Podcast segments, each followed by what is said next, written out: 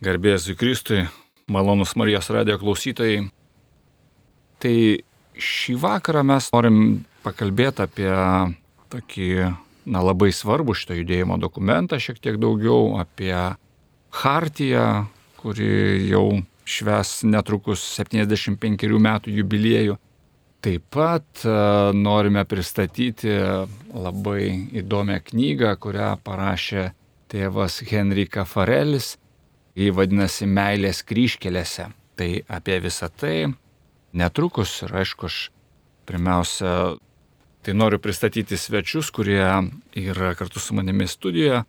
Tai kunigas Mindaugas Martinaitis, Dainius Šumskas ir Vaidilė Šumskinė. Labadiena. Labadiena. Tai, kaip matote, sutoktinių pora ir kunigas. Jau iš karto mes tarsi keliaujame į judėjimo esmę, ne, kad judėjimas skirtas yra sutoktiniams ir būtinai judėjime taip pat tų komandų veikloje taip pat dalyvauja ir kunigas. Na, bet apie viską po truputėlį iš pradžių.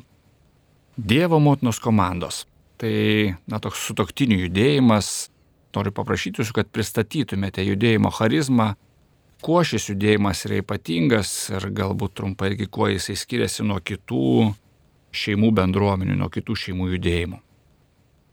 Pirmiausia, tikriausiai reikėtų paminėti, kad tai ne šiaip judėjimas, kuris vienyje šeimas su vaikais, rūpinasi kokiu nors jų užimtumu ar susibūrimo susitikimais, bet tai yra sutuoktinių dvasingumą puoselėjantis sambūris. Ir judėjimo tikslas iš tiesų yra, kurį ir formulavo pats judėjimo įkūrėjas Henris Kafarelis, padėti porom siekti šventumo, nieko daugiau, nieko mažiau.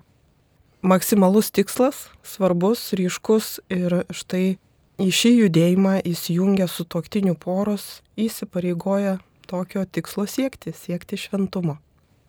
Judėjimo įkūrėjas yra kunigas Henrika Farelis ir gal šiek tiek keista, ne, nes kunigas ir dabar apie šeimos gyvenimą, čia taip jis tarsi daug išmano ne, ir daug kalba ir netgi kūrė gairias, tokias net sukūrė ne, ir parašė, kaip su toktiniams gyventi ir siekti šventumo.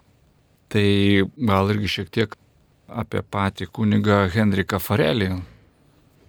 Henris Kafarelis yra prancūzas, jisai patyrė tokį vidinį Dievo meilės išgyvenimą kuris, kaip jisai sako, suprato, kokia yra Dievo meilė jam, kaip Dievas myli jį, perkeitęs šitą jo asmenybę įtakojo ir jo tolesnį gyvenimą.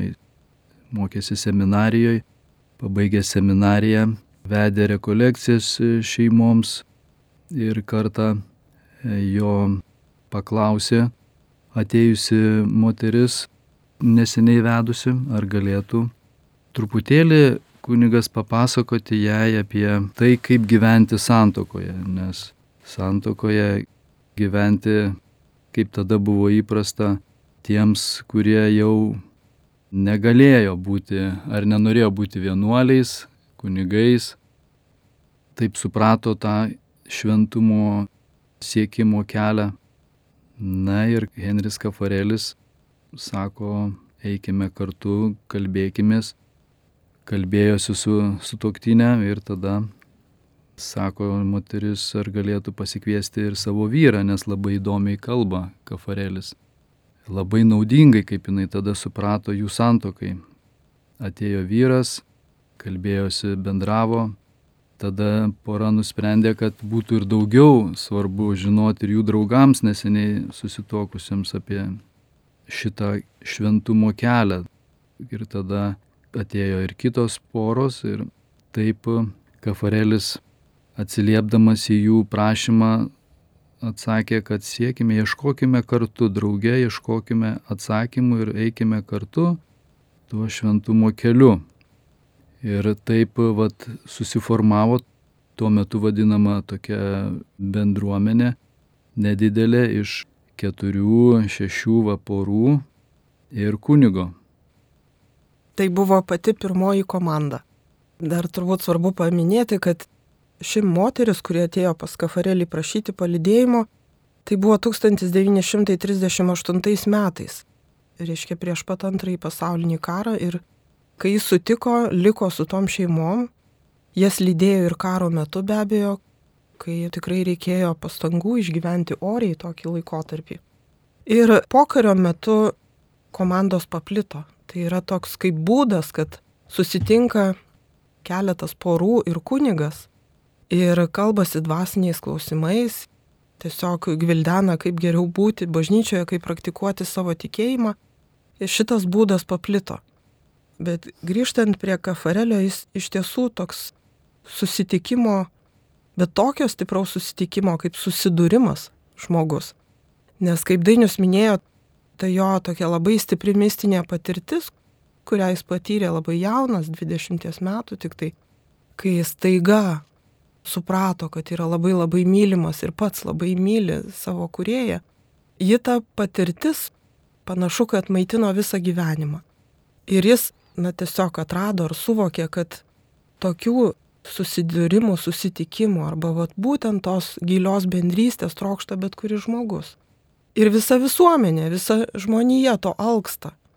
Nepaprastai ieško ji alkana bendrystės ir ne bet kokios, bet bendrystės su Dievu. Ir tada nejučia tikrai daug metų praėjo, kol susiformavo tokia judėjimo struktūra kaip dabar, bet tikslas buvo padėti žmonėm eiti į tą susitikimą, na iš tiesų susitikti Kristų, jį giliai išgyventi. Ir tos komandos tapo kaip, na, tokia pagalbos priemonė. Kaip su toktiniams poroje sutikti vienas kitą iš esmės, giliai sutikti vienas kitą kaip asmenį. Ir kaip kiekvienam sutikti Dievą, irgi taip giliai kaip asmenį, na, kad iš tiesų tai būtų susitikimas. Na, pats Kafarelis yra sakęs, ne kas sako, pagrindinis komandų tikslas - padėti poroms siekti šventumo. Nieko daugiau, nieko mažiau. Tai kaip šitą tikslą šių dienų kontekste suprasti? Kafarelis dar daugiau sakė, jisai labai daug kalbėjo apie meilę ir pirmiausia žmogišką meilę, apie sutoktinių meilę. Žinoma, prieš tai jis labai daug metų stebėjo sutoktinius, klausėsi jų. Turbūt labai mokėjo girdėti juos, ką jie kalbėjo, ką jie sakė, kokias savo bėdas ar nuoskaudas jie pasakojo, jis labai mokėjo tai išgirsti ir atliepti. Ir tada sakė, kad mylėti tai įkvėpti ir iškvėpti, duoti ir gauti. Ir tai yra Dievo paveikslas ir panašumas, nes ir Dievas taip myli. Na, iš to išsivystė pagrindinė judėjimo misija. Iš principo sutuoktiniai raginami ir kviečiami savo meilę išgyventi vis brandžiau, vis tobuliau, labiau, daugiau, Nes būtent tokios meilės gelmėje mes atrandam Dievo meilę. Ir kaip Kafarelis sakė, kad tokia sutoktinių pora tampa liudytojais pasaulio ar kitiems tada, kai ta pora pati susideda iš dviejų Dievo ieškotojų. Reiškia, tie du keliauja bendrą kelionę, jie ieško Dievo. Ir kaip jiems sekasi, kaip jie tai išgyvena, tai tampa liudijimu pasauliui. Bet įdomu dar tai, kad į kafarėlį kreipiasi, aš kaip spantu, jauna sutoktinių pora. Taip. Taip. Ir tikriausiai na, tai dažniausiai yra, kad kol esame labai jauni, susitokiam, tai vėlgi ta meilė, viskas labai gražu, viskas gerai, bet praeina keletas metų ir jau žiūrėk, tai vieni tai kiti jau pradeda galvoti apie skirybas, nes tie sunkumai jie tikrai užgula ir atrodo, nu kur jau dabar, ką čia dabar padaryti. Ar turi Kafarelis kažkokį patarimą, ką jis sakydavo tiems jauniems sutoktiniams, kad jie na, vis tik tai atrastų jėgų ir na, keliautų toliau? Na, manyčiau, pirmiausia, kai pas jį atėjo toji pirmoji moteris, na, jauna taip, tai tuo metu 1938 metais, dar toliai iki antro Vatikano susirinkimo, bažnyčios mintyje buvo šiek tiek kitokia samprata. Ta prasme, kad santoka buvo suvokiamas kaip kelias tiems žmonėms, kuriems, nu, nepavyko eiti šventumo keliu, nu, taip gal drastiškai nuskambės, jie netapo nei kunigų, nei vienuolė ar vienuolių. Na tai ką tada tokiems santoka, kad kažkaip dorai nugyventi gyvenimą, nepaleistuvauti ir panašiai. Tai vad buvo suvokiama kaip alternatyva. Ir štai Kafarelis kartu su tom porom, ieškodamas, jis atranda, kad santoka taip pat yra šventumo kelias. Ir pradeda apie tai kalbėti, pradeda apie tai pasakoti su toktiniams, skatinti juos gyventi, išgyventi va, tą meilę tikrai tiesoje ir kuo giliau. Aišku, tada išlenda daugybė problemų, sunkumų, su kuriais susiduria su toktiniai. Bet tai yra kelias. Ir va tik daug vėliau, ne po antro Vatikano susirinkimo, tikrai išgarsėjo tos mintis, kad santoka kaip pašaukimas yra šventumo kelias.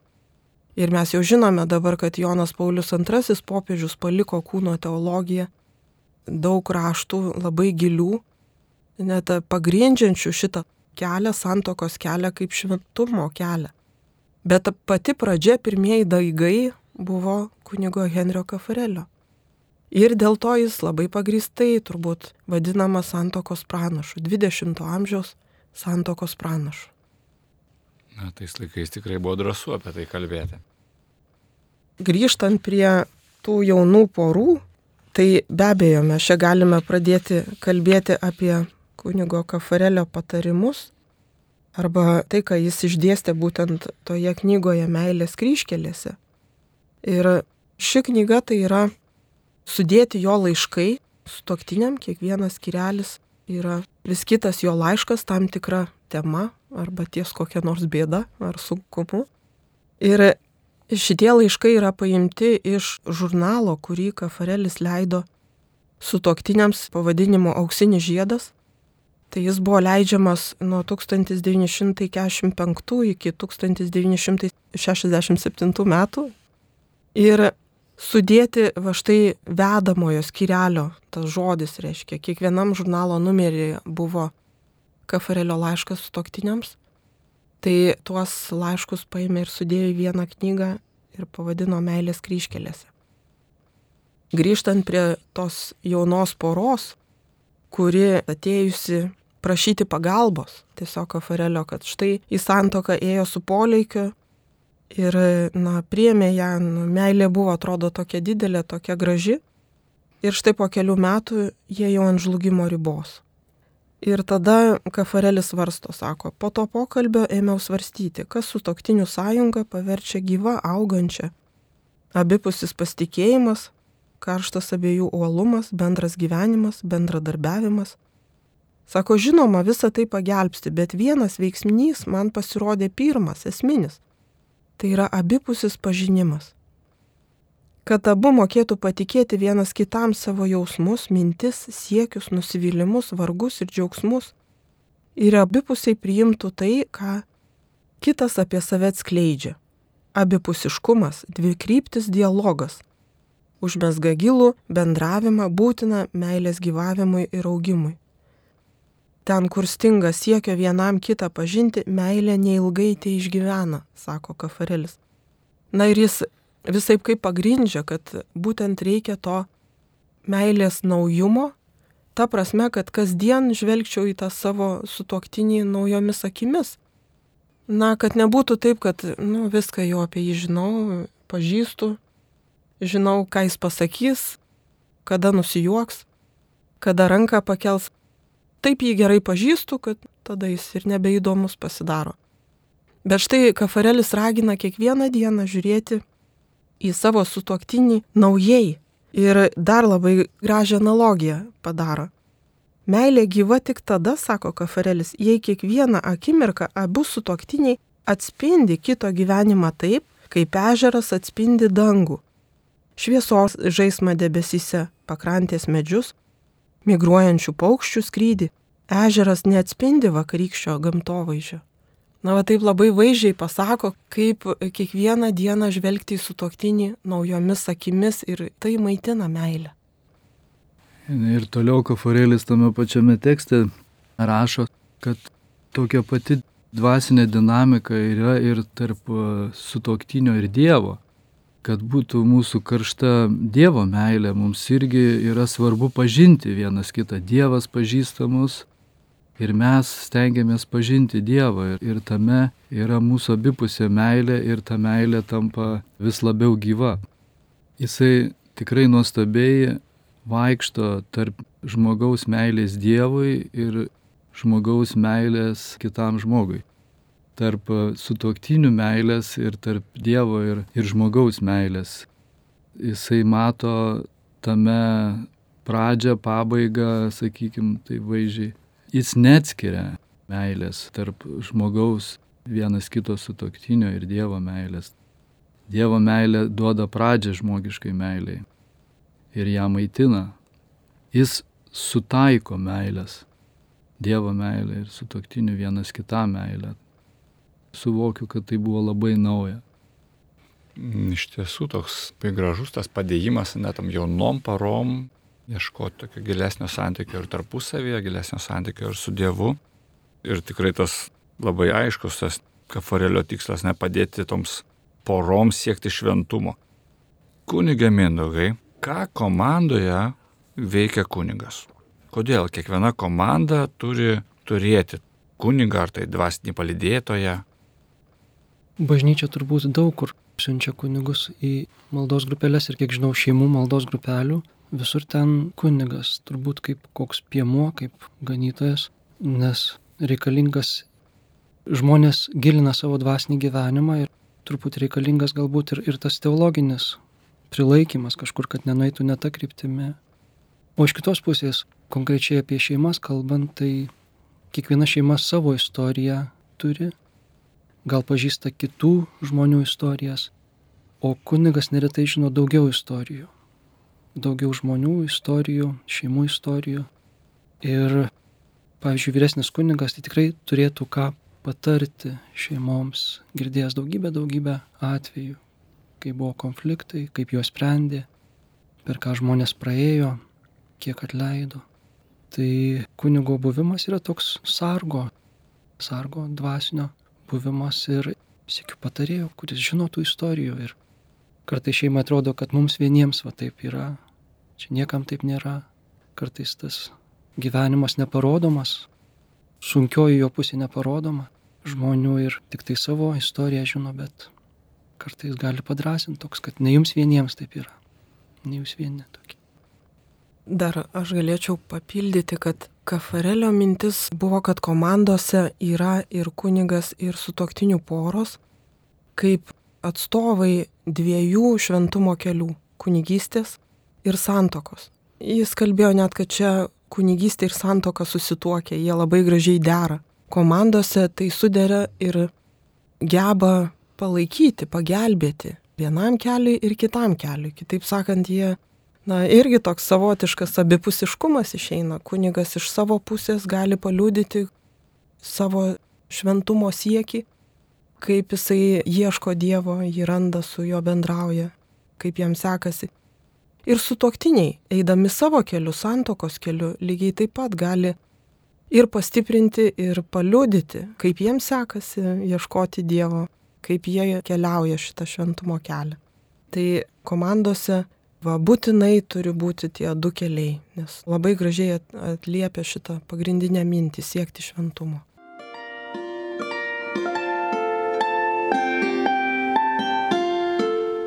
Jūs girdite Marijos radiją.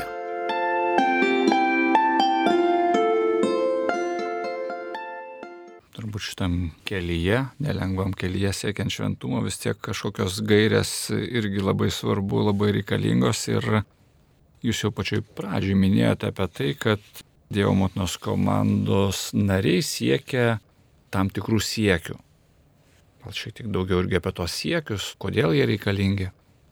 Na tai Kafarelis, kaip aš suprantu, labai gerai iš savo gyvenimo jaunystės, iš to išgyvenimo Dievo meilės patirties suprato, kad santokoj labai svarbu yra išgyventi labai realiai, praktiškai Dievo meilę, Dievo artumą. Ta gilę bendrystę su Dievu. Tai man atrodo šitas ir kartu tikslas jam padiktavo ir tokius praktinius sprendimus, kaip jisai pavadino sutoktinių regulą.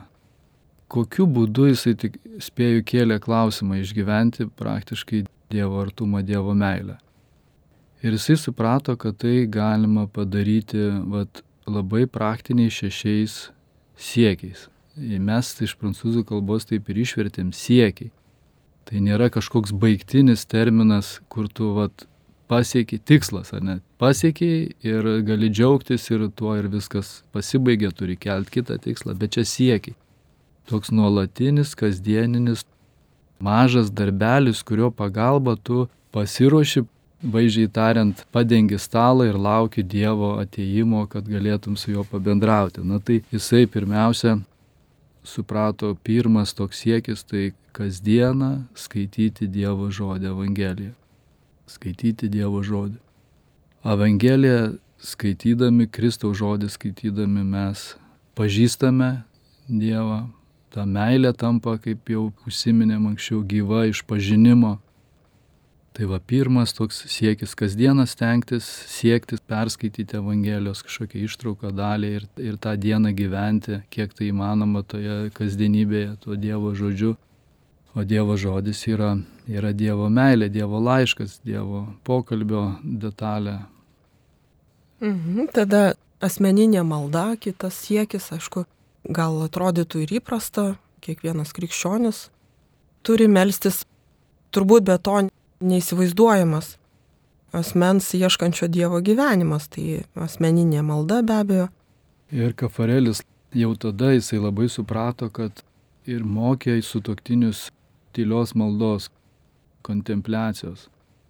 Pabūti tyloje, nekalbant tylioje maldoje ir klausytis Dievo žodžio savo viduje.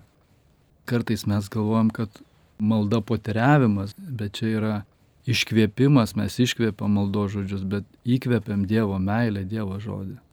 Taip iš tiesų Kafarelis sugebėdavo susodinti į vieną salę 3000 sutoktinių ir juos mokyti tos vidinės tylos maldos. Na, žodžiu, nuostabus dalykas. Ir pats nepaprastai tai praktikavo. Jo asmeninis sekretorius pasakojo, kad, na, 3 valandas per dieną atsiduodavo va tokiai tylos maldai. Be abejo, šventoji dvasia stipriai veikė per šitą žmogų ir už tai tos išvalgos tokios gilios. Taigi antrasis siekis - ta asmeninė malda. Trečiasis siekis - sutoktinių malda. Tai kas meldžiasi kartu, tas išlieka kartu. Čia dar bažnyčios tėvų šitas pasakymas, bet na, jis labai tvirtai nuskamba čia ir na, siekis iš tiesų, kad poros tai sugebėtų daryti kuo dažniau. Nes siekinys yra kasdien, kad sutoktiniai melstusi bendra malda, tai yra kartu garsiai. Ketvirtas siekis yra prisėdimas, toks gal truputį kraipytas lietuviškas žodis, bet tai yra siekis kartą per mėnesį su toktiniams susėsti pokalbiui, bet jis būtinai turi prasidėti ir baigtis malda. Ir yra temos, kurias turi su toktiniai paliesti. Tas pokalbis turi tikrai ir vyksta Dievo akivaizdoje. Dievo akivaizdoje, kur mes atnešam visas savo problemas arba sunkumus, kas liečia mūsų tarpusavio santykis, ar intimumą, ar vaikų auklėjimą, ar santykius su tėvais, uošveis, ar kaimynais, ar darbo problemas. Žodžiu, visą tai aptarėme Dievo akivaizdoje. Tai štai labai svarbus šitas prisėdimas arba sutoktinių pokalbis. Tada gyvenimo taisyklė, Kafarelis įvardino šitą siekį kaip būtina sutoktiniams nusistatyti tam tikrą taisyklę. Šitą taisyklę jie aptarė ir nusistato būtent to pokalbio metu ir paskui sekantį kartą ją pakeičia ar palieka tą pačią, žiūrint, kaip sekėsi jos laikytis. Tai gyvenimo taisyklė gali būti kiekvieno sutoktinio, asmeninė, bet labai gerai, jeigu tavo sutoktinis ją žino, nes jis gali tau padėti, priminti tam tikrais atvejais, padėti jos laikytis. Gali būti tai bendra poros, tam tikra taisyklė, na, vat, tam mėnesiui. Be abejo, visą tai turėtų vesti būtent šventumo keliu. Na ir paskutinis siekis tai yra rekolekcijos. Tai Kafarelis nustato tikrai minimumą, kad stoktiniai galėtų bent dviejų parų laikotarpį išvykti rekolekcijoms arba atsitraukti į tokį tikrą buvimą su Dievu. Turbūt netoks jau ir minimumas, ypatingai jeigu kalbame apie rekolekcijas ir apie jauną šeimą turinčią vaikų, tai dviem parom išvažiuoti ir palikti vaikus, nes irgi čia turbūt svarbus gal akcentas yra ne, kad tuo metu, kai tėvai susitinka, jie susitinka be vaikų. Vaikus palieka kažkam tai prižiūrėti, globoti. Tai tada turbūt irgi tampa pakankamai didelis iššūkis jaunom parom tos dviejų dienų pilnos rekolekcijos. Taip, čia galima išleisti vienas kitą, gali stoktinių pora, jeigu įmanoma, išvykti kartu. Bet turbūt bendrai kalbant, kad kai va, šitos siekius Kafarelis suformulavo 1947 metais, reiškia pokariu, ir tai gimė Hartijos pavydalu, tai yra tuo pagrindiniu dokumentu. Ir tikrai ne visiems tai patiko. Kalbama, tuo metu jau buvo tikrai padaugėję, labai stipriai padaugėję komandų, daug sutoktinių prisijungė į šitą judėjimą. Ir kai tie siekiai buvo suformuluoti, trečdalis atsitraukė, paliko šitą judėjimą. Ir tokiu šventumo keliu turbūt nėra paprasta eiti ir, na, gal ir nereikėtų norėti, kad bus viskas labai lengva.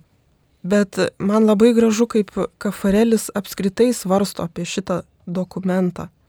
Kiek vėliau, na čia tokia buvo labai garsi jo kalba, pasakyta 1962 metais ant Paulė, tai jisai labai pabrėžia Hartijoje kaip dokumente veiksmažodį nori, kad sutoktiniai to nori.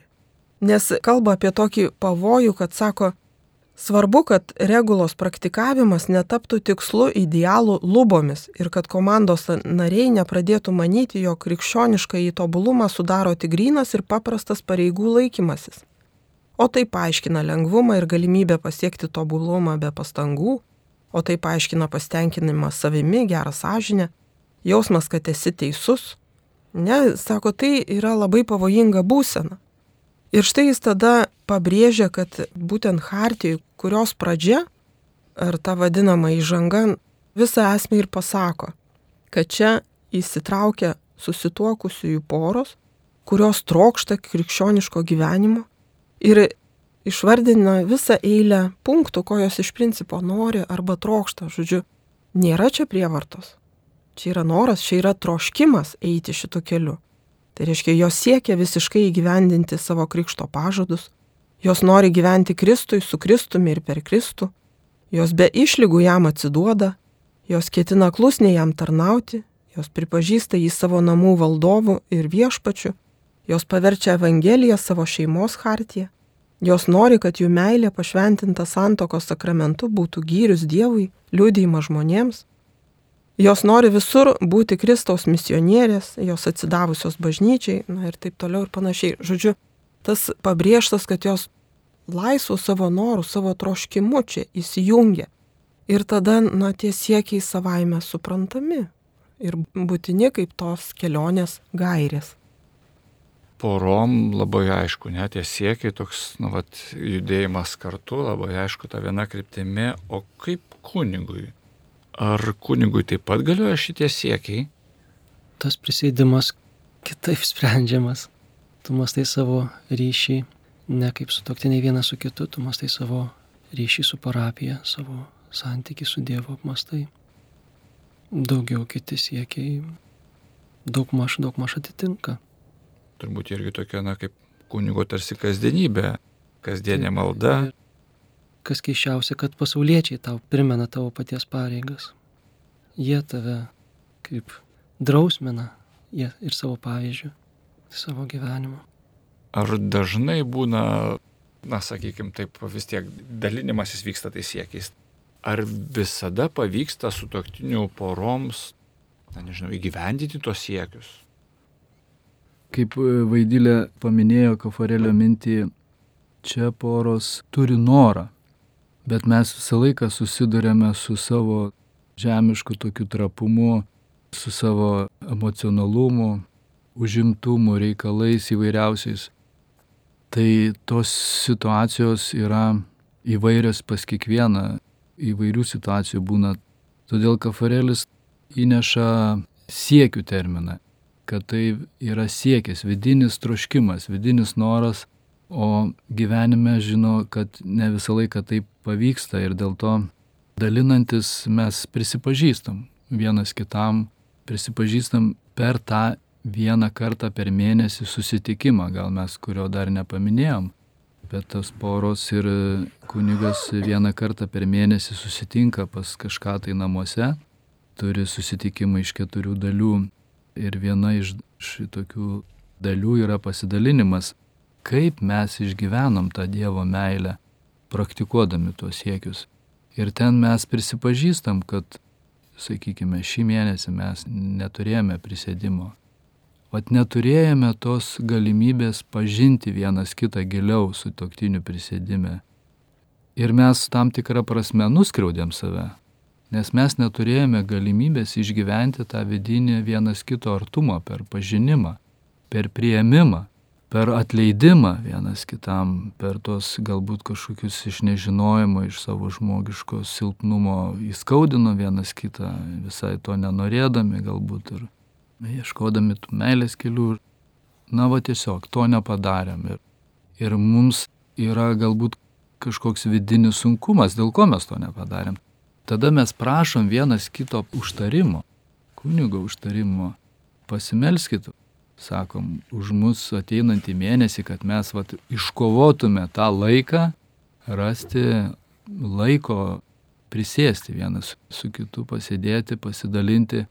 Prisėdimas turi tam tikrą tvarką, kad ta tvarka mums padeda atsiverti kuo giliau, aptarti įvairius gyvenimo aspektus - santykius su Dievu, santykius vienas su kitu, su savimi, su ošvėjais, su vaikais, bendradarbiais, kad sutoktinis mus labiau pažintų, o jeigu pažįsta, tai reiškia supranta meilės kalbą, kada jis išgyvena meilę, tai ir gyvenimo eigoj sutoktinis gali mums padaryti vieną ar kitą polgį, kuris tikrai mus praturtina, meilę išgyvenam.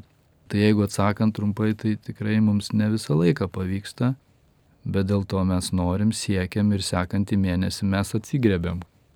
Galvoju, šitas atsakymas tavo dainio, tai jis toks tikrai gali nuskambėti kitiems, kitom porom, kurios galbūt galvoja, bet abejoja, nes išgirdo, kiek čia tų siekių ir staiga, oi ne, čia man čia neįmanoma. Tai manau, kad skamba kaip padrasnimas. Kaip padrasnimas, kad čia susirinkę poros jos nėra jau savaime šventos ir jos jau puikiai gyvendina visus siekius, todėl jos yra judėjimo dalis. Ne, tai yra padrasnimas, kad kiekviena pora gali jungtis į šitą judėjimą ir keliauti kartu. Kunigė Mindovai, ką buvimas komandoje duoda pačiam kaip kunigui? Kodėl pats įsijungia iš tą judėjimą? Sakoma, kad šeima yra švenčiausios trybės ikona, tobuliausia ikona ir tas buvimas taip arti žmonių namuose, matymas jų gyvenimo kažkaip iš vidaus ir jų pasidalinimai leidžia savotiškai medituoti tą ikoną ir tas žmogiškumas irgi liūdija Dievo meilę kažkaip, kad žmonės nebūdami tobuli, o gyvena jau keliasdešimt metų kartu, vienas kito nepalieka.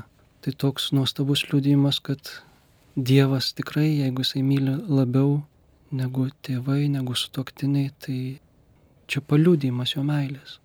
Jeigu žmonės moka taip mylėti, taip pakelti vienas kitą netobulą, tai kaip tada Dievas moka.